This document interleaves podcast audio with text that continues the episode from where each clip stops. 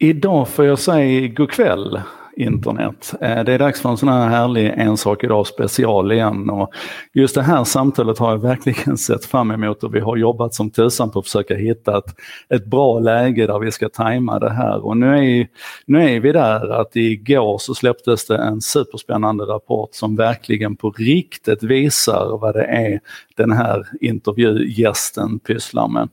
Um, och uh, jag, jag, tror inte att jag egentligen gör mer intro än så eller håller er på halster längre än så utan jag bjuder in uh, kvällens gäst här. Uh, välkommen in Anna Lerner Nesbit.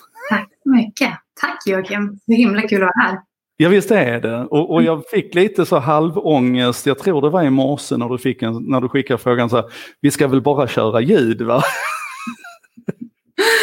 Ja, men alltså det reflekterar ju hur jag ofta lyssnar på dig. Jag brukar ha dig i öronen när jag är ute och springer till exempel runt ja, campus i Menlo Park. Så då är det ju bara ljud. Så då tänkte jag att ja, men här är vi. Men eftersom du jobbar på Facebook så tror du vet hur mycket mer spridning man får när man kör video också. Så att det här är, det här är för massorna vi gör detta, Anna. Vi tar en för laget helt enkelt. Fantastiskt. Ehm, vi kommer och under det här samtalets gång så kommer vi att toucha lite grann i vem du är och, och, hur du har hamnat där och sånt. Men jag tänkte att vi börjar med att definiera, vad är det egentligen du jobbar med? Ja, absolut. Ehm, jag leder ett team på Facebook som jobbar med att få Facebooks data och analyskompetens kanske man kan säga för att arbeta för humanitära ändamål. Eh, specifikt fokuserat på FNs hållbarhetsmål, alltså the sustainable development goals. Det flyter lite bättre på engelska, då brukar jag säga put Facebook data and analytic capabilities to use to advance the SDGs. Uh, men uh, ja, jag fick till det på svenska. Alltså min En sak idag-publik, de är väldigt vana vid att det blir lite svengelska. För det är ju, alltså engelska är ju fortfarande internets lingua franca. Så att det är okej okay att glida över lite grann ibland. Jag fattar din utmaning. Um, men berätta då för oss lite grann Anna, du, du, nu har vi satt liksom titeln på dig, men vad är det egentligen ni gör? Hur kan Facebooks data vara behjälpliga för de här humanitära ändamålen och för att göra världen till en bättre plats? För det är ju inte det de flesta tänker på när de tänker på Facebook och data. Nej, nej det är ju inte det. Och det, jag var ju inte helt klar över det heller ska jag säga när Facebook ringde för lite över tre år sedan. Ehm, um, jag, då satt jag på Världsbanken och jobbade med uh, data, exponentiell teknologi som vi kallar det och digitalisering. Um, och världen var, fjärde industriella revolutionen var i full gång, ICT, som mobiltelefoner hade börjat spridas. Um, så jag hade inne på banken... Var i tiden är du nu förresten? Tre år sedan för du. Hur länge, när började du jobba på Världsbanken? Just, jag började på Världsbanken. Ja, eh, jag jobbade där i sju år och jag har varit på Facebook i snart tre år. Okej, okay. ja, men då har jag liksom ramen så att jag kan placera in dina, de här teknologierna du pratar om. Så. Mm. Precis, ja. Det var ju, alltså när Big Data började, det var ju, vi pratade om digital crumbs och det var ju mm. hela de här uh, velocity och de tre V. Ja, way back when. Um, och um, det kändes sådär jättespännande. Och på Världsbanken var det så här, åh, hur ska vi kunna få tag på lite så big data som vi skulle kunna göra något vettigt med? Um, och vi såg ju att privata företag, privata aktörer eh, var väldigt involverade i det här och pratade mycket om, pratade mycket om IBM och hur mycket data IBM hade varje år och sådär. Um, och vi vet ju också, alltså, da, tillgång till data och information, speciellt uppdaterad information, har ju alltid varit ett jätteproblem för eh, de som jobbar i internationell utveckling och i många olika länder där man liksom inte haft statistiska system som har varit eh, investerat, inte investerat i statistiska system på samma sätt som man kanske har gjort i, i Sverige och liknande. Um, och eh, så när jag, när jag började inse det här, men det här Facebook och de har ju massa, det finns ju mycket data och kunskaper där om världen och tänk om det fanns ett sätt för oss att, att göra ett partnerskap med dem. Eh, så vi kunde titta på hur eh, Världsbanken kunde få tillgång till det. Så det kändes det jättespännande. Och så ringde de och så började vi prata. Och då var det bara liksom, det var som att ja, glödlampor bara så poppade upp och jag var så här, oj, oj, oj, det här, det här, kan, det här, kan, bli, det här kan bli stort. Um, jag har ett, en, en, en liten anekdot. Jag jobbade i Mosambik, um, mitt första jobb eh, när jag hade slutat um, tagit min examen vid Lunds universitet så åkte jag ner till Mosambik. Um, och då när jag anlände så pratade man om att det fanns fem 14-15 miljoner mosambikaner spridda i landet, men det var ingen som visste så jättesäkert. Och fem år senare när jag åkte därifrån, då hade vi uppgraderat den eh, guesstimation, om man kan säga så, till eh, 20 miljoner. Wow. Eh, och det är ju ett avrundningsfel på 30 procent. Eh, det är ganska mycket när man använder de sådana typer av populationsdata för att tänka på liksom, vad är arbetslösheten, hur många skolor behöver vi? Um, så, att, eh, ja, så att data är ju en scarcity um, många ställen där man verkligen behöver bättre information. Då har du, då har du verkligen upplevt det på riktigt också, det här hur hur gränssättande det är om du inte har tillgång till riktig data. Jag tänker när du pratar befolkningsdata så är det väl intressant att göra en koppling till folkräkningen i USA nu och se hur det håller på att kapsejsa. Så att man behöver kanske inte liksom se historiskt på Mosambik, man kan se i nutid på en av världens mest utvecklade demokratier för att hitta den sortens problem kanske. Precis. Men du ska inte behöva prata politik här. Jag har, jag har, Okej, men fortsätt din berättelse. Jag var lyssnar och njuter. Ja, jo. så vi började prata lite grann. Eh, vi pratade med Microsoft, LinkedIn och några andra också då. Och så, så kom vi fram till att um, det, de här företagen som har den här typen av kunskapen och insikter kring världen och kring individer, de delar ju redan en del av de här insikterna med sina annonseringspartners till exempel, eller liksom klienter som, som annonserar. Eh, och via forskning som de gör. De investerar ju väldigt mycket pengar i forskning och R&D och liknande. Så då kändes det som att, ha, tänk om man skulle kunna sitta där vid det bordet när de bestämmer de här grejerna och sätter sina prioriteringar. Så skulle man kunna kanske liksom lyfta det här andra eh, use cases och, och de här andra marknaderna som kanske inte är lika connectade. Um, det kändes väldigt spännande. Um, och det slog mig då liksom att, att för, för, att kunna förbättra precisionen och egentligen resultaten av programmen som Världsbanken eller FN eller andra NGOs gör så skulle ju faktiskt de här insikterna som den här typen av social media eller digitala eh, teknikbolag har var otroligt värderade. Så det var liksom så jag kom in på det. Jag, jag kan faktiskt ge lite, lite exempel. Jag har funderat lite på det här. Ja. Um, man ska kunna koppla ihop så folk liksom förstår vad jag menar. Ja, men så, är du är så härligt konkret Anna. Det var det jag kände första gången jag träffade dig också. Att det är verkligen så här. Det är ingen, det är ingen bullshit utan det är konkreta exempel. Kör på. Massa passion men väldigt konkret. Ja, exakt. Mm. Um, jo, så Facebook har ju de här öppna annonseringsverktygen till exempel. Um, och de kan till exempel Unicef eller Bill och Melinda Gates Foundation skulle kunna använda dem för att svara på om är det kvinnor eller män i delstaten Bahia i nordöstra Brasilien som är mer informerade eller just nu ute och söker information om kanske hälsa och välmående. Och då kan man ju använda den informationen om man nu planerar att göra till exempel informationskampanj om, det här var under, under Zika-epidemin, så, så um, Unicef skulle göra en informationskampanj om hur man skyddade sig mot Zika. Då kan de ju använda den typen av information för att göra annonseringskampanjen mycket mer effektiv. Uh, och det är inte att säga att de bara måste använda Facebook eller Google som kanaler. Men de kan ju komplementera de sätten de tidigare har använt sig på för att samla in information och, och ha de här informationskampanjerna eh, med den här nya typen av digitala eh, verktyg. Eh, likadant när USAs CDC eh, försökte få en bättre uppskattning om hur eh, deras Folkhälsomyndigheten på svenska va? Precis, exakt. Ja. Eh, USAs folkhälsomyndighet. Men Nej, då, det är så mycket att säga. Du kan lämna de svenska översättningarna till mig så kan du bara köra på. CDC, Folkhälsomyndigheten. Tack, tack.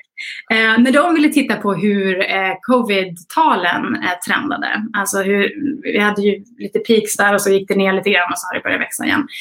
Um, när de ville titta på uh, det för att så i, i, kunna förbereda rätt sjukhus. I vilken delstat ska man skicka supplies och liknande för att förbereda för um, num att numren håller på att gå upp. Um, då kunde de använda sig av Facebooks uh, Symptom Tracker Survey som också är en sån där, en, som är en survey som vi vi frågar folk som, kommer, som loggar in på sitt konto och säger du, är du villig att berätta om du har eh, några symptom? Har du feber? Har du hosta? Och tillsammans så är det, kan det då ge väldigt bra information um, till hälsovårdsmyndigheter som, som vill förbereda eller läsa trender. Um, likadant... fråga. Då, är det, då är det alltså formulärbaserade undersökningar, typ. det är alltså inte som Googles gamla influensa-tracker där man försöker titta på sökbeteende och sökmönster och sånt, utan här är det liksom raka frågor och raka svar. Precis. Okay. Det poppar upp en liten banner högst upp på, på, på appen och så säger den hej, Eh, vi försöker göra en undersökning för att se, för att göra ja, en undersökning kring symptom kring covid. Är du villig att svara på några frågor? Och då är det bara de som säger ja, jag vill vara med eller jag vill ju svara som, som ser servern. Um, ehm, och likadant när Världsbanken har ju mycket program um, för att stötta kvinnliga småföretagare. Um, och eh, det är ju väldigt många av dem tyvärr som har tappat mark under de senaste månaderna. Dels med att ekonomier, världen har ju stängt igen egentligen. Ehm, och de kanske inte har samma resurser som ett större företag att snabbt skapa digitala lösningar och, och hemsidor och, och eh, online storefronts och liknande. Då har vi ju eh, vi gör en annan survey som heter State, eh, State of Small Business Survey. Eh, och där frågar vi specifikt hur, eh, hur, hur småföretag har haft det den senaste månaden. Eh, om den är ägt av en man eller en kvinna. Eh, vilka verktyg de har använt sig på sista tiden för att eh, driva sales eller om de har fått eh, avskeda folk. Mm. Så det är ju jätte, det är väldigt värdefullt och ganska mycket realtid egentligen eh, för de här organisationerna som försöker då stötta småföretagare, till exempel kvinnliga småföretagare i det här fallet. Eh, om jag hade haft tillgång till Facebooks High Resolution Population Density Maps, eh, svåra ord där, när jag var i Mosambik, då hade vi mycket snabbare kunnat upptäcka att det var mycket fler folk i Mosambik än vad vi trodde. Eh, och de, eh, de här eh, kartorna, som vi kallar dem, mm. de visar också befolkningsspridning. Eh, så man kan se ganska bra i vilka provinser det är folk och vilka provinser det inte är så mycket folk. Eh, och, det och ner på en väldigt, alltså väldigt granulärt, alltså väldigt finkornigt kan du säga det va? Mm. Precis. Och jag ska ju flagga innan, innan folk blir oroliga. Det är ju inte, ingen användardata som går in i dem. Jag säger det igen, High Resolution Population Density Maps. De mm. finns på våra hemsidor och på eh, Humanitarian Data Exchange och är faktiskt helt fantastiska. Alltså de, de visar jättegranulärt vart folk befinner sig och använder inte Facebook-data utan det är satellitimagery, det är censusdata, offentlig censusdata och så har vi bara massa smartskallar som du kallar dem, mm. eh, som sitter på Facebook och gör modeller av det där. Och då har lyckats skapa en, ett sätt att se vart folk eh, befinner sig som är, jag skulle säga, en av de mest eh, detaljerade och trovärdiga källor som finns idag. Så att, um, Ja. Jag tyckte det var superhäftigt när, vi, när, när du visade det. Vi ska prata mer om hur ni hanterar privacy och sådär sen, men just det här att ni, ni är ju så vana vid, ni har så mycket folk som är duktiga på att arbeta med stora datamängder så att ibland handlar det inte ens om era egna datamängder utan alltså att, att plocka in data från någon annan och sen använda de här smartskallarna till att och göra visualiseringar och paketera och eh, höja kvaliteten på datat och sådär. Det är och, och visst finns det tillgängligt också? Va? Man kan gå in och kika på de här kartorna. Och... Absolut, mm. absolut. Och det var en stor vinst för, för mig och mitt team um, förra året, när, eh, eller förra, förra året, kanske ett och ett halvt år sedan nu, när vi också lyckades um, göra ett, lägga ett genderfilter på där. Så jag tror när du faktiskt var alltså på oss, då kunde jag visa en karta över Mosambik där man kunde se vart kvinnor befann sig i Mosambik. Alltså tänk alla som då sitter på marken och gör ja, men, skills building programs eller social protection programs eller på andra sätt behöver veta var kvinnor finns. Och, um, för att kunna nå dem på ett effektivt sätt. Då är ju de här kartorna och, och, ja, jättemycket värda. Mm. Grymt. Um, är det någonting mer om Facebook och hållbarhetsmålen och sådär som vi behöver beröra eller ska vi Ja, det sista kanske jag ska säga bara för att vara, klar, ta, tala klartecken här. Vi, um, förra året så var det väl, tror jag. Förra året så klev vi, klev vi ut offentligt och sa att vi stöttar FNs hållbarhetsmål. Um, och i den vevan så funderar vi mycket på, okay, men vad betyder det för ett, för ett um, för oss. Liksom. Vad, vad, ska vi investera i? Vad, vad för typ av program ska vi lansera? Och i och med att vi är ett sånt datadrivet företag och har så mycket kunskap också om hur, hur man bygger modeller och liknande så bestämde vi oss för att Data for the SDGs var vårt första program som vi lanserade för att stötta eh, part, olika partners som jobbar mot eh, hållbarhetsmålen. Så det är, det är det team som jag leder. Och vi bestämde oss faktiskt också för att fokusera på gender data som vår första vår högsta prioritet. För vi tyckte att det var det största gapet som fanns runt i världen.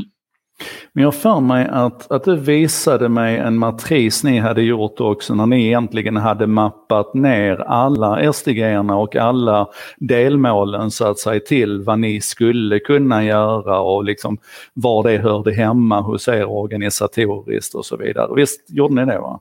Ja, precis. Vi, det var väl så vi... Eh, ja, det här kom, kom liksom från internationella alltså forskningsvärlden. Då var jag så okej, okay, men om vi ska ta det här beslutet då måste vi ha gott underlag för det här. Så gjorde jag en jätte eh, mapping kan man säga eh, internt. Jag tittade på liksom vad alla olika team håller på med och så försökte jag fundera, har det med hållbarhetsmålen att göra? Vilket hållbarhetsmål är det indirekt eller direkt effekt och liknande. Så då, då kunde vi liksom mappa ut allt som hände i företaget och det var ju man får ju se det som liksom ett snapshot i time. Det är de här företagen, det är så mycket teams som, som både kommer upp och stängs ner hela tiden. Eh, så det, det, ser ju annorlunda ut idag. Men, men eh, vi hade jätte, jättemycket teams som var involverade på något vis och drev eh, någon form av eh, resultat mot hållbarheten. Men väldigt få är faktiskt runt gender. Mm. Igen, det här var ju två år sedan. Så det var lite av, för mig kändes det som, okej, okay, men det här är som hälften av våra användare är kvinnor. Det, är ju en, det är ju, skulle ju vara en no-brainer att vi ska investera lite mer på det. Så att, um, men det är ändå en sak med den matrisen som jag inte riktigt kan släppa och som jag tog med mig sen till andra kunder. Det var att det är så lätt när man som företag och organisation tittar på de globala hållbarhetsmålen att man plockar det här som känns mest uppenbart och självklart. Liksom här, här jackar det i oss exakt. Men när man gör en sån matris som ni gjorde så kan man ju låsa upp väldigt mycket underliggande värden också som man kanske inte inledningsvis har sett som kan ge enorma injektioner ut i organisationen också. För att helt plötsligt så kanske de som sitter kanske inte direkt i frontlinjen och verkligen liksom är uppenbart vad de ska göra för någonting. Eh, låsa upp det värdet och den kraften längre ner i organisationen. Så den här idén om att liksom jobba på djupet med alla målen, det, det, har jag tagit med mig. Det har varit jättevärdefullt för många av mina, mina klienter. Liksom, ta med sig det mindsetet, att göra lite extra jobb. Liksom. Kul att höra. Tack. Tusen tack för den. tack själv. Det är kul att höra att, att, att ja, jag, jag tycker att det var också det, det, krävdes nästan att vi visade också när vi började prata med de här partners som liksom inte hade så där jättemycket erfarenhet av att jobba med Facebook, att vi visade att vi hade faktiskt gjort vår läxa. Vi kom inte dit och bara var liksom så här, hej SDGs verkar vara trendiga, nu är vi på. Utan um, hade faktiskt tänkt efter lite grann hur vi ville göra det. Um, på tal om att, att göra läxa och sådär. Va? Um, en sak som alltid dyker upp när man pratar Facebook det är ju privacy och personlig integritet och datahantering i stort och sådär den, den debatten den, den får ju ofta ett visst uttryck utåt och i mediediskussioner och sådär. Jag försöker väl stå upp så gott jag kan utifrån det lilla jag vet, men du är ju verkligen en insider Anna. Så ta nu chansen här och berätta, hur ligger det till egentligen? Hur tänker och agerar Facebook runt data och privacy? En gång för alla. Oj, vilken press. Ja, en gång för alla, nu har du chans. Att vara allas heder. Um, Nej men ja, men alltså, det är bra. Det, tack för att du tar upp det. Det är ju faktiskt um, det, det, är ett svårt ämne. Um, det är också svårt, nu är jag väldigt transparent här, det är svårt för mig att, att säga, artikulera det här på ett bra sätt på svenska, för det har jag aldrig försökt. Men nu, here we go. Du får, uh, mycket, du får mycket slack. Och jag ska bara säga, innan du, innan, innan du får den här stunden så har det kommit in en kommentar och jag tror att du kan gissa ungefär hur den låter det är ju ett sympatiskt projekt men hur hanterar ni på Facebook den roll som ni hade i Burma i samband med fördrivningen av den muslimska minoriteten? Det kommer ju alltid som ett brev på posten alltså.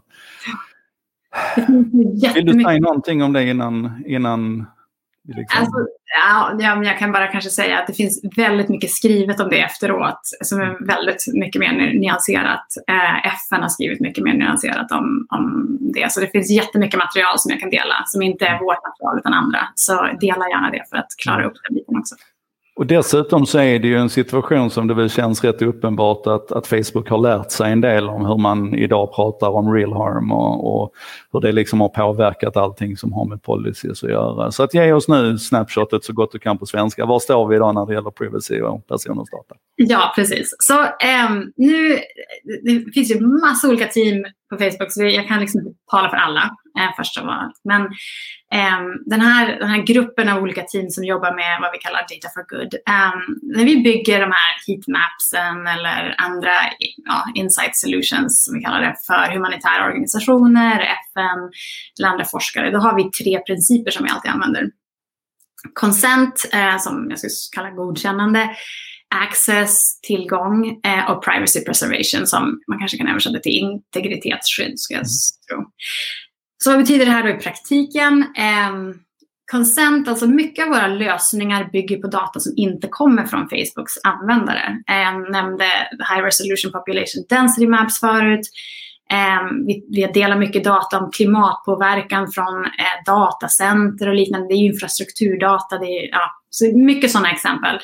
Service, fråga, så det är inte, det är inte liksom använda data på det viset.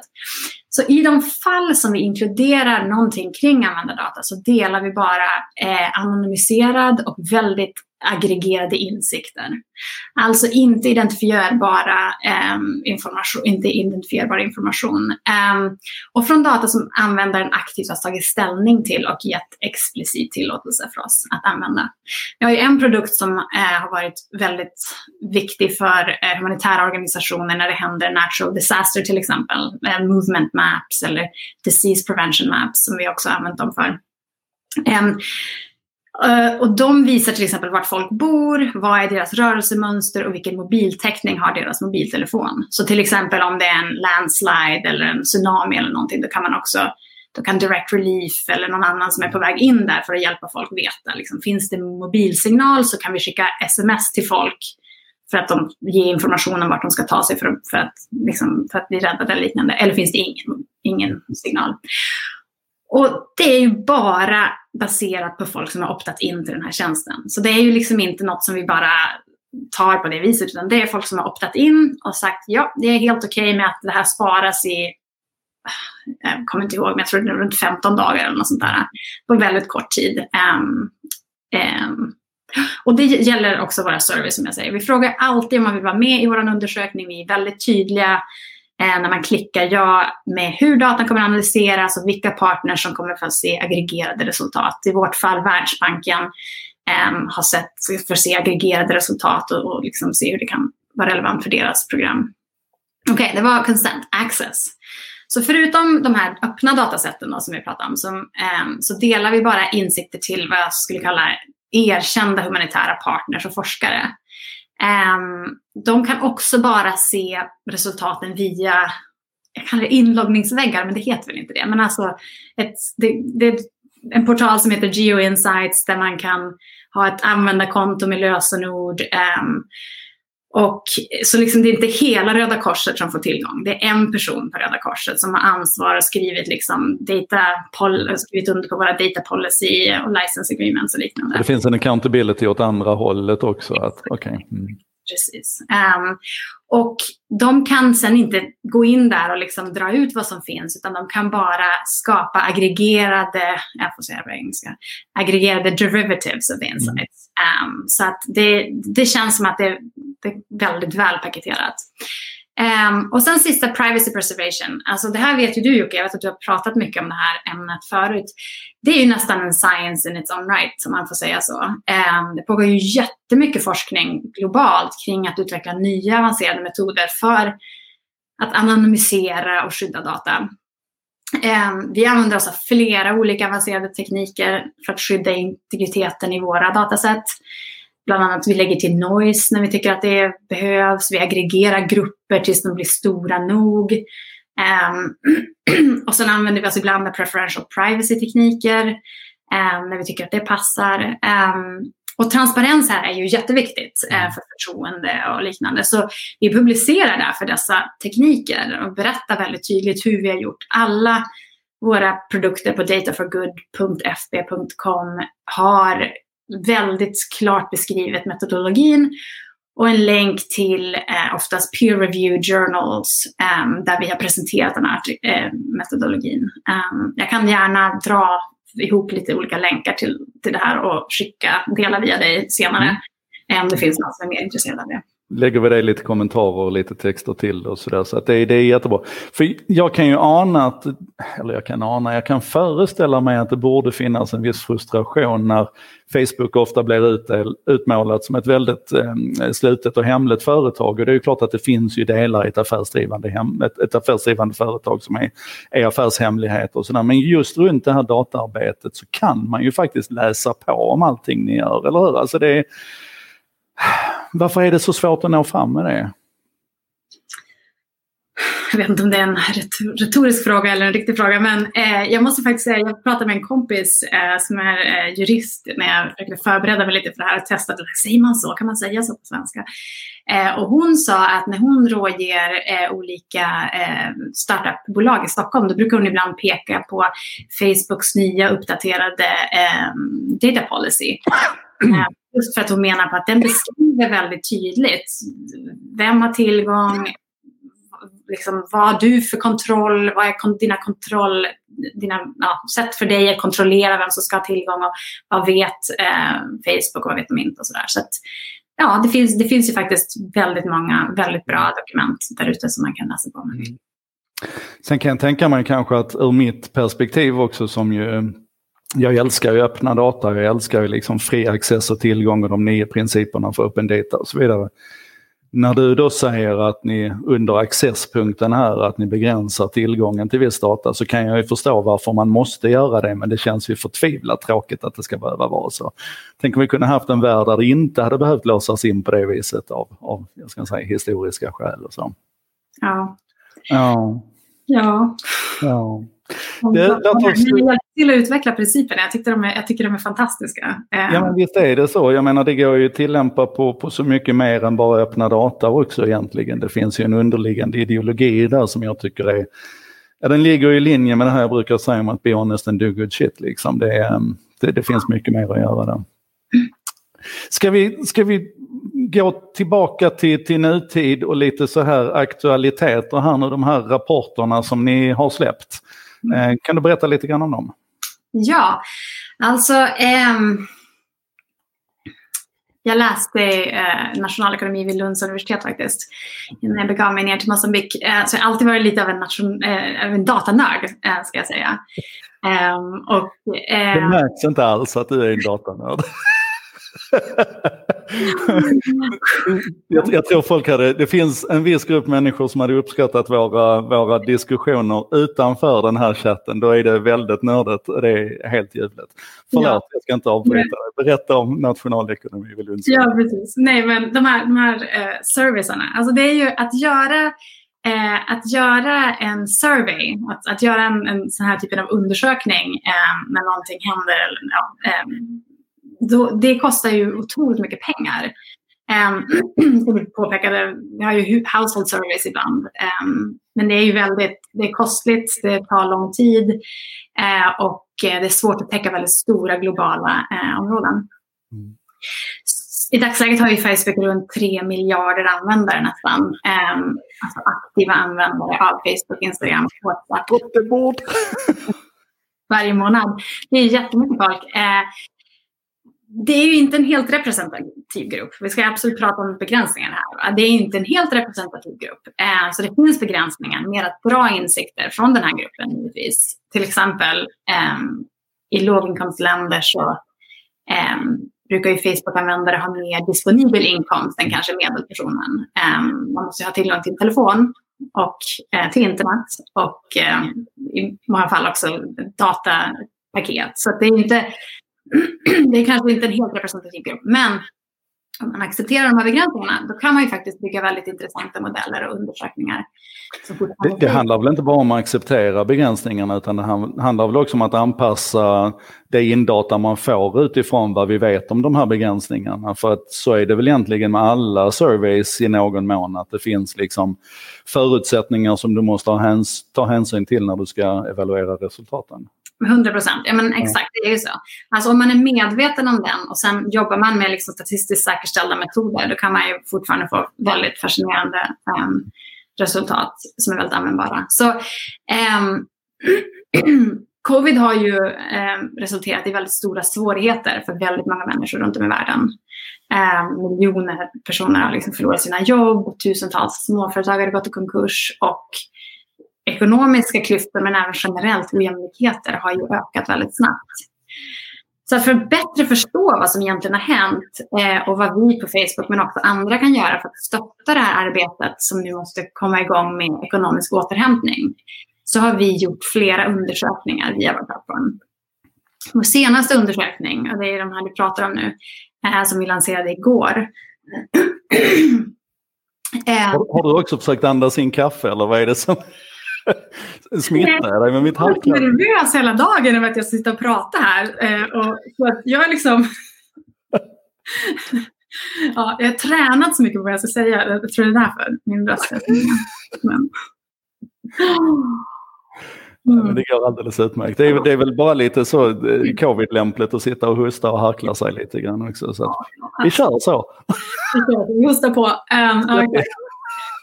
Jag känner mig lite varm också nu. Det är någonting med färgbalansen som är off här. Ja. jo, um, så eh, vi har gjort undersökningar för att förstå bättre vad som har hänt eh, i världen. Så har vi gjort flera undersökningar. Um, och vår senaste undersökning försöker förstå specifikt hur covid har påverkat jämlikhet och möjligheter för män och kvinnor. Gender equality alltså. Um, och vår, så på den tekniska sidan, vad har vi gjort? Jo, vi har just lanserat tre stora surveys den som jag är ansvarig för heter Gender Equality at Home Survey. Um, den nådde en statistiskt säkerställd grupp på cirka en halv miljon Facebook-användare från över 200 länder. Det är så stort så det är helt ofattbart alltså. Presenteras på Ja, men det är ju precis det. När man vet hur dyrt och hur svårt det är att göra surveys, uh, då är ju det här lite, det är lite galet. Det är fantastiskt och för att se till då att de här resultaten från undersökningen var användbara och eh, vettiga för våra partners så jobbade vi tillsammans med genus och eh, surveyexperter på både Världsbanken, UN Women, Lady Smith som är en eh, feministisk forskningsgrupp och Equal Measures 2030.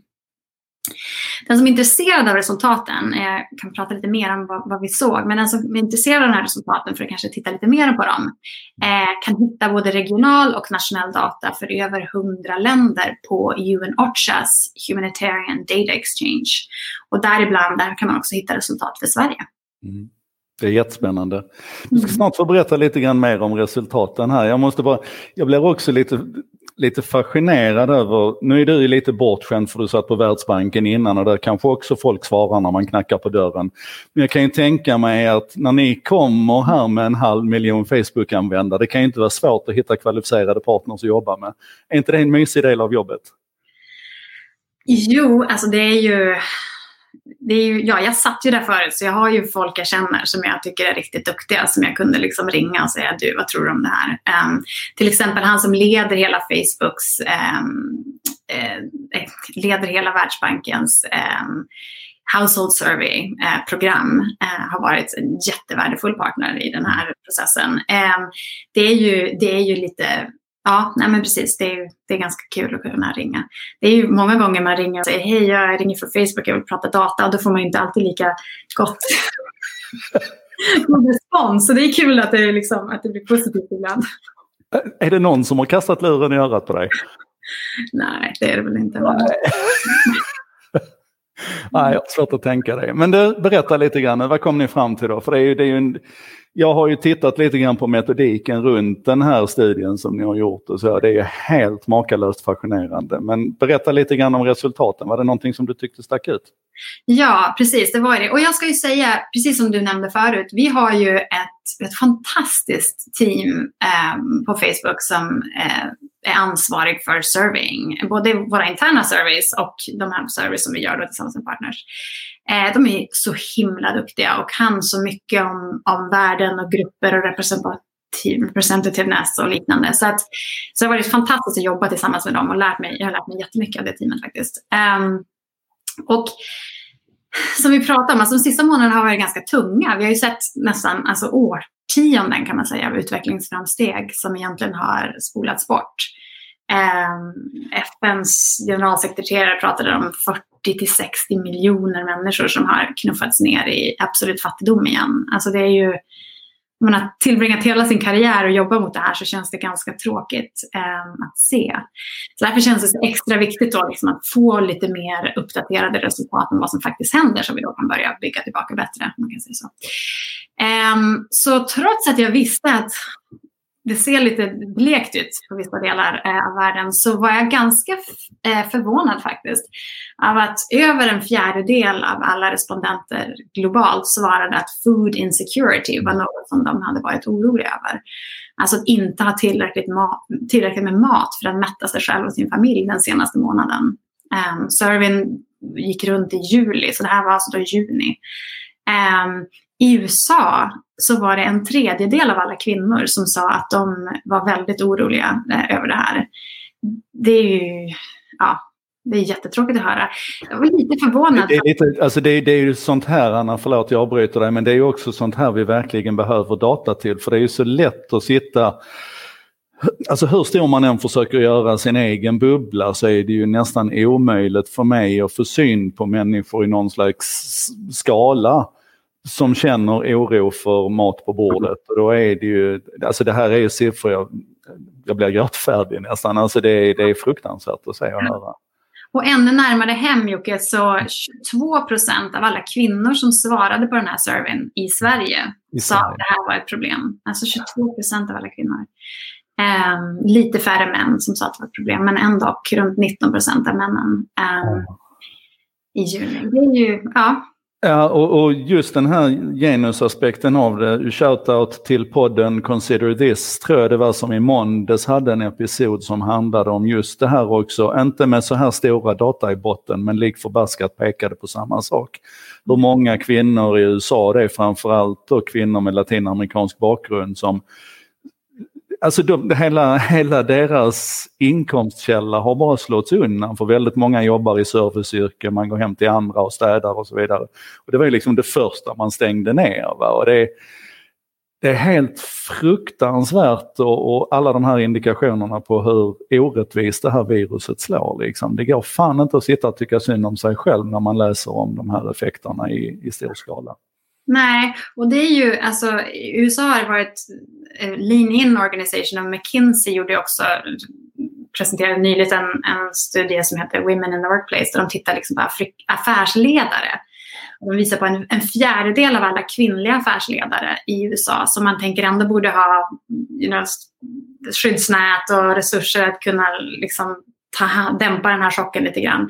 En fjärdedel av dem har aktivt funderat på att ändra sin karriär eh, efter covid kom in. Just för den här, vi pratar om den här double double burden, att kvinnor som jobbar heltid, dels jobbar heltid, sen har de ett, oftast ett större ansvar hemma eh, med care responsibilities kanske för barn eller äldre föräldrar eller liknande. Och sen så kom covid och då helt plötsligt är barnen hemma. De får inte gå, alla skolor är stängt, alla dagis är stängt sen mars. Um, och ja, det, det, jag tror att det har tagit väldigt mycket på väldigt mycket olika samhällsklasser. Ehm, Um, det, är så, det är så många samverkande element i det där också. Va? Kidsen stannar hemma från skolan. Mor, mor och farföräldrar som kanske normalt sett brukar kunna steppa in kan inte göra det för att de tillhör en extra utsatt grupp och så vidare. Det är verkligen en, en perfekt storm av, av elände. Liksom. Eh, inte bara hälsoaspekten utan allting annat också. Ja, ett för, för i, all, I all det här eländet så vill jag i alla fall lyfta en sak som jag tyckte var bra, eh, som gjorde mig väldigt glad och givetvis stolt över att vara svensk. Eh, en av frågorna eh, hade att göra med gender norms, alltså genusnormer kanske man säger. Eh, och det är en sån här typisk fråga som är så himla svår att få till forskning kring. Eh, det är jättesvårt att fråga, liksom, göra service på tillräckligt stora grupper och fråga på på, på, olika språk som man kan jämföra över nationer och sådär. Så att det här var något som UN Women verkligen, verkligen ville ha eh, svar på. Eh, och det var eh, stödet egentligen för jämlikhet. Tycker du, är du tycker du att det är att, att håller du med om påståendet att män och kvinnor ska ha lika rättigheter? Um, globalt så höll ungefär 75 procent av männen som svarade på surveyn med om det här påståendet. Och i Sverige så var siffran eh, över 90 procent. Så det kändes kul i alla fall. Att, mm. Jag vet att du tycker att det känns kul och jag, jag undrar fortfarande vad fan är det för fel på de sista 8 procenten? Liksom? Det, men, men jag vet, vi måste ju naturligtvis väga och mäta det här mot vartannat. Var det inte någonting där också där man skulle uppge hur man trodde att eh, någon annan såg på saken. Alltså så här ser jag på det och så här tror jag att någon annan ser på det. Det var en rätt så stor diskrepans däremellan även i Sverige har jag för mig.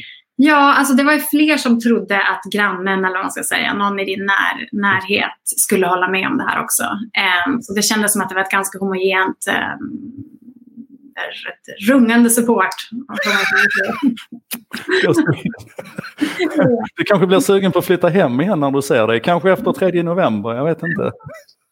Precis, nu, är vi tillbaka där. Nej, förlåt. Alltså det, du, du har ju säkert koll på snacket i Sverige. Vi är ju, vi är ju bisarrt obsessed vid amerikansk politik känns det som. Det är, ja.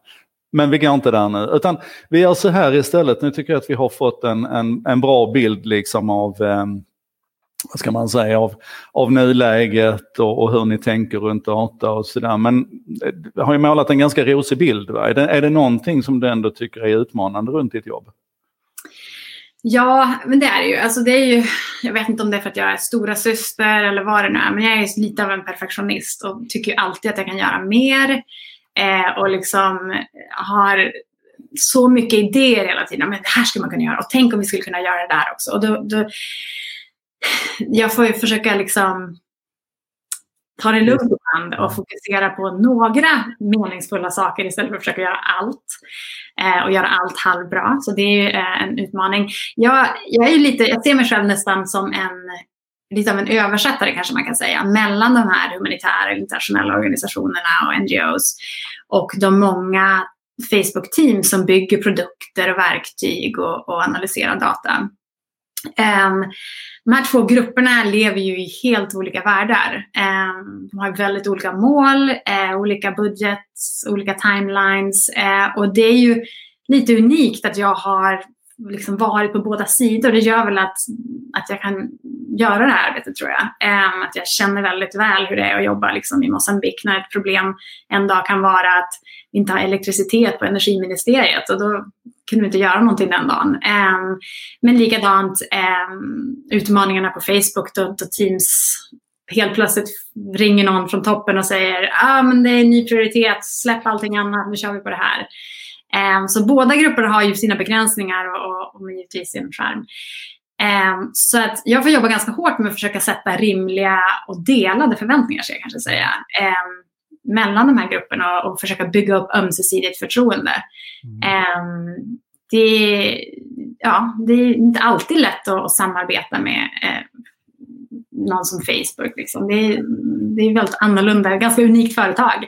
Mm. så, att, så det, det, är mycket liksom bygga upp förtroende och, och, och misslyckas jag då blir ju projekten inte bra. Då händer ju ingenting. Och det är ju, ja, det går jag omkring och stressar mig lite över att jag kan det är, lite extra, det är lite extra jobbigt när man känner att man jobbar för att försöka göra världen till en bättre plats. Då vill man ju inte gärna misslyckas. Det är, It's on you. Eh, men det här med någon ringer från toppen, jag måste bara kolla, det, det dyker ju upp lite Sheryl Sandberg emellanåt i, i dina sammanhang och sådär. Har hon din rygg liksom när det gäller det här arbetet eller? Jag tycker att hon är ju en, hon, är, hon, tror ju väldigt mycket på det här arbetet. Det är ju jätteviktigt för henne. Alltså, om, alla, hon har ju mycket olika causes som hon, som hon bryr sig om och kämpar för. Eh, men det här är ju verkligen alltså, gender equality. eh, det är något som hon verkligen brinner för. Så att det har ju varit um, till exempel vårt första möte med alla höga eh, FN-tjänstemän och alla andra experter när vi liksom kom dit och sa, vi vet inte riktigt hur de kommer ta emot den här. Tror de att de vill att vi ska jobba med gender equality och data och liksom, hur ska det här gå? Det var ju hon som ledde det mötet och, och liksom kom verkligen dit, lyssnade ordentligt och, och sådär. Så att, ja, jag tycker att eh, det, det känns jättebra att hon verkligen bryr sig om det här. Hon pushar ju andra organisationer också, Lean In som hon leder, men också liksom McKinsey, Deloitte och andra som fokuserar mer och mer på de här frågorna. Så det, det, känns, det känns bra. Mm. Ja, det förstår jag dig. Um, för, för, det är ju naturligtvis viktigt att ha det här stödet hela vägen upp i toppen när man försöker göra så stora saker genom hela organisationen som ni försöker göra. Du ska snart få berätta, du kan börja förbereda dig för det, du ska snart få berätta vad som är extra kul med ditt jobb också, vad som verkligen peppar dig. Men Daniel Stinsigan är on fire här, här kommer en fråga till. Hur arbetar ni med representativiteten på era, era undersökningar? Det verkar vara en permanent World Values Survey tror jag det ska stå. Och du har ju varit inne lite grann på det där med begränsningarna i, i undersökningarna och så. Men du kanske kan säga någonting om hur ni försöker vad ska man säga, bearbeta eller mitigera de begränsningar som finns i att det är ett speciellt subset som ni ändå når, trots att det är 3 miljarder. Ja, alltså det är ju, jag önskar att de var här, de här mina kollegor som är experter på det här. De är så himla, himla kunniga. Um, vi var ute på en roadshow förra året, i höstas tror jag det var, när man fortfarande kunde liksom träffas och prata. Uh, på den tiden? Um, och då hade jag med mig en av de här kollegorna som kan det här utan och innan. Och han gav så jätte, jättebra svar på hur de tänker på det där med representativeness och liknande. Um, det enda jag Ja, alltså jag, kan som inte, jag kan inte återförklara exakt vad han berättade. Jag är inte bra nog på det. Men det jag kan säga är att de är väldigt medvetna. De, de känner ju eh, de känner ju användarna väldigt väl, eh, om man kan säga så. Så, att, så de, de, kan, ja, de har ett bra sätt att väga olika karaktäristika och liknande för att bygga upp eh, representativa eh, mm. fokusgrupper. Mm.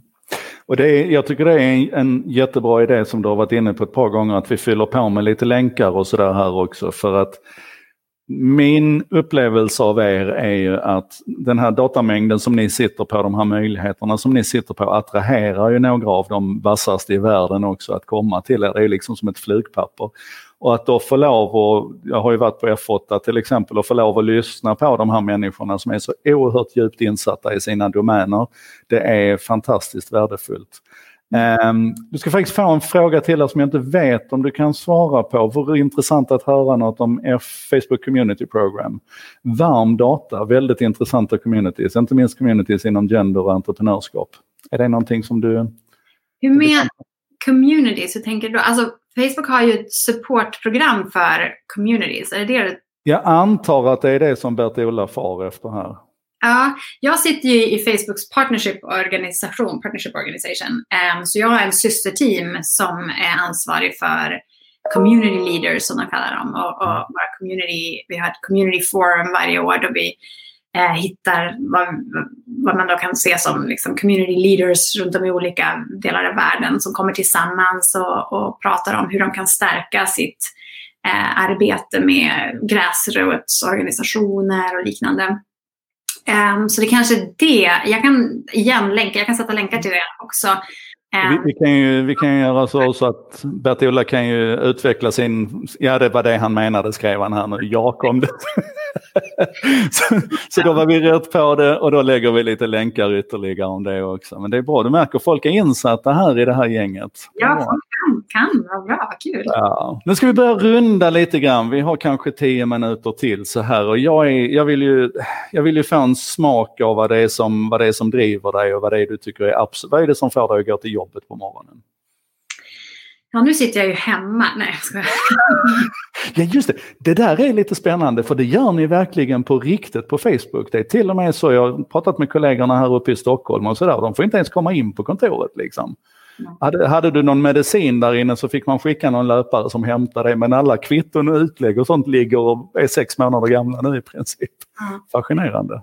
Ja, ja, det är verkligen det är en annorlunda. Men det man har jobbat jättebra tycker jag med olika stöd, olika idéer för liksom hur ska man hålla team engagement och hur kan man checka in med kollegor, mår alla bra, liksom, vad kan man göra för att få folk att må bättre och liknande. Jag tycker det har varit superspännande. Kommer du att signa upp för den här möjligheten och, och sitta hemma och jobba framöver också? Alltså, jag tror det. Jag tycker att det är ganska, jag tycker att det är, eh, ja, jag tycker att det är väldigt intressant. Jag också, det beror ju lite på vad man har för jobb, vad man har för roll. Men alltså, jag mina partners är ju runt om i hela världen. Um, så, att, um, så det känns som att det spelar, det spelar lite mindre roll var jag är. Samtidigt som jag kan inte vara effektiv om jag inte får liksom Facebook Teams att vilja göra det jag tycker att de borde göra. Så det, är, det är lite av en trade-off där. Um, just nu är vi uppe i Maine i norra USA. Uh, vi gömmer oss här i skogarna. um, och uh, ja, det är ganska härligt. Barnen kan faktiskt springa runt här uh, och vara lite mer fria än vad man kan. Som till exempel när vi bodde nere i Silicon Valley. Um, så att ja, jag får se brukar jag alltid passa på att göra lite reklam och knuffa lite grann på mina gäster. Du vet att du skulle kunna ta ditt team med dig till Helsingborg och sitta här i techhuset Prisma och jobba också. Eh, och barnen, barnen kan vi hjälpas åt att ta hand om, det är inga problem. Vad bra, vad bra. Och äta på, vad heter det, Ki, där du alltid äter? Kigo kanske? Oh, ja, kan ha sett lite matbilder därifrån kan jag tycka. Jag vill hänga med Kattis, hon verkar helt fantastisk. Jag hon är, är helt ljuvlig. Hon, hon sitter och trycker här inne i vardagsrummet nu. Hon har fått order om att vara tyst i en timme på jobbet. Det är som min lilla bebis Astrid där ute, hon är också sådär. Ja, men du, ähm, ja. nu ska vi fokusera här. Vad är det som får dig, och, och, om du hade gått till jobbet eller när du går och sätter dig vid datorn och ska jobba på morgonen, vad är det som liksom, vad driver dig? Alltså världen har, jag, som sagt, jag läste nationalekonomi så att jag har alltid varit jätteintresserad av de här stora globala utmaningarna som eh, världen står inför.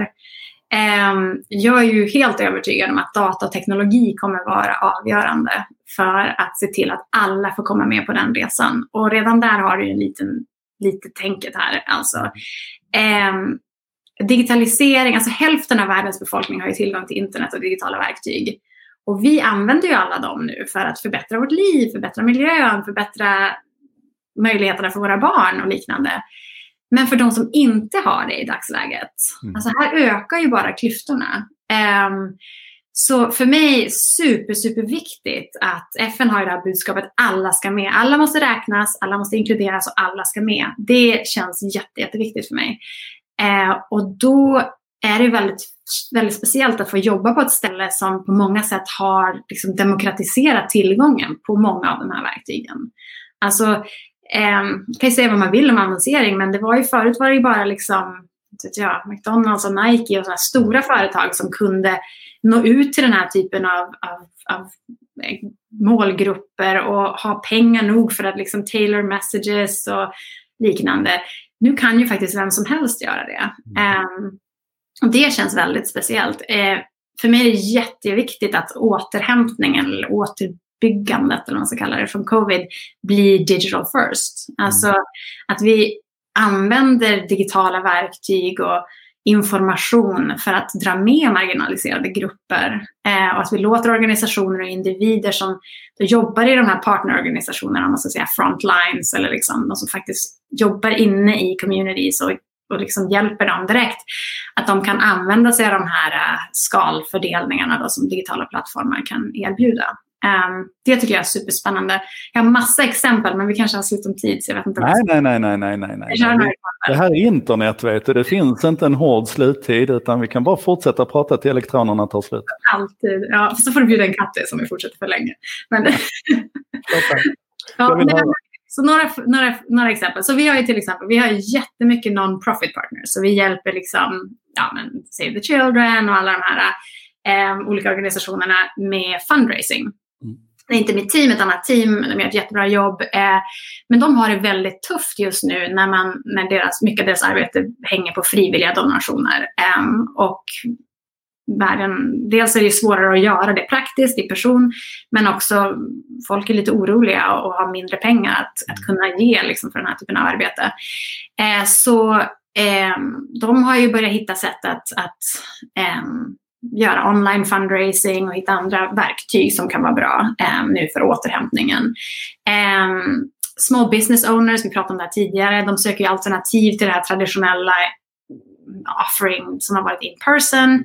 Nu måste de alla ha um, digital storefronts. Um, Blir det svårare och svårare med svenskan här nu efter? nu när jag ska tänka fritt, då blir det lite svårare. Och det går fort också, du stressar mig. Jag har lite tid. Nej, nej, ta det lugnt. um, men eh, skolorna är stängda. Alltså skolorna varit stängda i USA sedan mars. Dagis och allt sånt här. Kenya stängde de sina skolor för ett år, liksom, sådär på en gång. Det är ju barn måste ju ha tillgång till internet och få gå i skolan numera på internet. Eh, eller digitalt liksom. Det är ju en jätteutmaning för världen att vi ser till att det blir bra och att alla, alla får komma med, att alla har likna, lika chanser. Mm. Eh, socialarbete Hämta andan där ett ögonblick på, för jag måste, när, du näm när du nämner just skolan och tillgång till internet och sådär. Du sa i början här att digitaliseringen gör att i någon mån att klyftorna blir större, men är inte just skolans område ett är det inte väldigt tydligt där att digitaliseringen har alla möjligheter att minska klyftorna? För att inom citationstecken det enda du behöver är ju tillgång till internet för att du ska sen få tillgång till all världens böcker, till de bästa föreläsarna, till community som annars hade varit omöjliga och så vidare. Alltså, eh, jag vill bara slå ett slag för att vi kanske inte ska glömma att, att internet och digitaliseringen är också en utjämnare egentligen som Precis, ja. var, då har jag ju inte uttryckt mig så himla väl, för det var lite dit jag ville, ville okay. komma. Så jag tänker att just nu så har ju bara halva världen tillgång till internet. Så de som inte har tillgång, de som inte har fått komma med, liksom, yes. de klyftorna ökar ju. Um, Sverige var ju jättetidiga med det här med bredband för alla, eller jag vet inte vad det har hetat, men alltså att, att mm. alla ska... Internet för alla. Internet för alla. Ja. Snackar dansk. Um, men det är ju det, det, måste vi ha för hela världen. Alla måste få tillgång till internet. Alla måste få tillgång till de här resurserna och, och verktygen. Um, och um, precis som du säger, när man väl är där då, alltså när, då har vi ju faktiskt möjlighet att minska klyftorna. Jag tänker liksom på när, när covid kom till Sverige, alltså att, att, att komma ut med budskap på massa språk så att alla grupper i Sverige eh, med olika modersmål och liknande får samma information lika snabbt. Det är ju superviktigt. Då är ju digitaliseringen jätteviktig där eh, och kan verkligen hjälpa till. Så att eh, absolut, en, en annan, en annan eh, ett annat område som eh, nu är vi tillbaka. Jag måste bara plugga en grej här eftersom du nämnde språk. Eh, jag tror det var igår eller i förrgår, jag skulle gjort en ensak idag på det men jag hann inte med. Då var det ju Facebooks, ett annat gäng hos er som släppte fri den här modellen som jag tror heter MLM, M2M 100 som ju är en, en eh, maskinöversättningsmodell med hjälp av AI och så vidare som inte är engelskcentrerad utan den översätter direkt mellan språkpar. Och ju mer jag läste om det, ju mer fascinerad blev jag. För det är helt otroligt vilka resultat man får idag med, med maskinbaserad översättning. Det är ju liksom It's like magic och där är vi igen på det här med hur det kan jämna ut klyftor och så vidare. För det är inte helt nödvändigt kanske att du kan just det där språket för att kunna ta del av just den där diskussionen eller till och med delta i just den där diskussionen. Så att det är liksom, ja, jag, jag bara tyckte det var så intressant för det är ju ett helt, annat, ett helt annat gäng på Facebook än det du jobbar med men ändå så känns det som att det finns möjligheter för dig att mötas i det som du sitter och pratar om nu. Nej, men absolut, absolut. Och jag, jag avslutar med en, kanske en, en, jag bygger lite på det. det en pratade i början om det att big data i början var liksom digital crumbs och det var kanske eh, call data records, vem har liksom pratat med vem och sådär. Det har ju hänt jättemycket sedan dess. Um, för mig, något som jag tänker på, jag vet inte om jag ska kalla det over the horizon, för det finns ju redan här, men alltså nästa kan steg när jag tänker på data är ju alla alltså miljarder människor som är på Instagram eller på YouTube eller liknande ställen och laddar upp foton och videosar. Mm. Det, är, det kan ju vara data. Alltså med machine learning, med computer vision, bättre computer vision models, så kan man ju börja dra socionomisk information från, från, från dem. Man kan liksom um, man kan titta, kanske läkare skulle kunna ta foton och, och, och börja se på liksom symptom på folk. Um, I Mosambik så pratade vi länge om att när det hade börjat komma cyklar i vissa byar, då hade de liksom kommit upp några steg på den här utvecklingstrappan. Um, men istället för att måste köra runt i de här byarna och söka efter cyklar, och nu kanske det är bilar i dagsläget, men, eh, så kan man ju se det. Någon tar en selfie och titta där i bakgrunden på den bygatan så är det inte asfalterat men det står två bilar. Ja men jättebra, då vet vi att där ute finns det liksom Eh, Unicef, faktiskt, det här är ett väldigt bra exempel. Unicef eh, har också det här drivet, vi pratar om utbildning, alla ska få internet. Sådär. Unicef vill koppla upp alla världens skolor till internet. Mm. Tillsammans med regeringar och liknande. Um, och då sa de, okej okay, men jättebra, vi kan hjälpa till, Google kan hjälpa till, det är många som kan hjälpa till här. Liksom, vad är det för skolor? Var är skolorna? Har de internet? Hur gör vi här? Och då kom de fram till redan i början att det, är, det finns ju inte något, i många, många länder så saknas det en lista över vilka skolor som finns, vart skolorna ligger eller vart de är. Finns det inte finns inte fundamentala data liksom? Nej.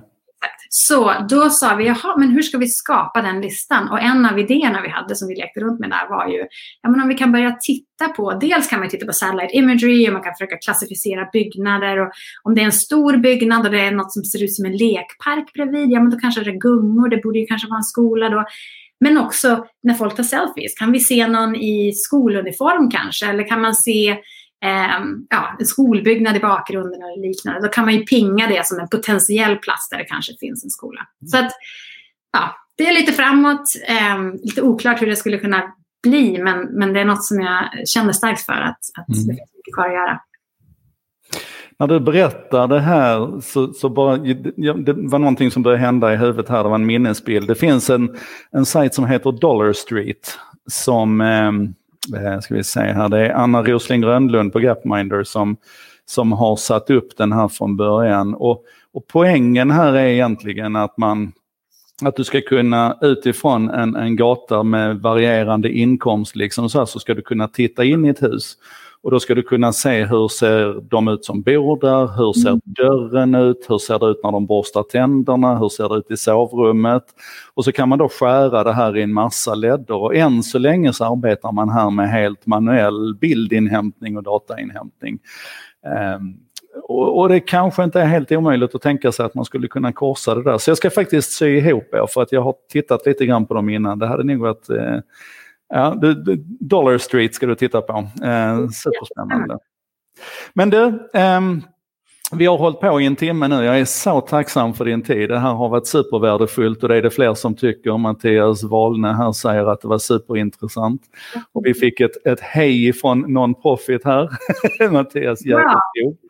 Ja. Eh, och vi har fått en fan här i alla fall, Bert-Ola Bergstrand, som säger att Facebook rocks.